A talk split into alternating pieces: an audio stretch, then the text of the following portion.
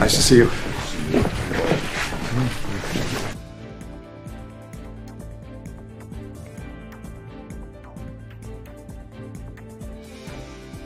Ecuatorianos, se acabó el tiempo en el que los condenados por narcotráfico, sicariato y el crimen organizado le dictaban al gobierno de turno qué hacer.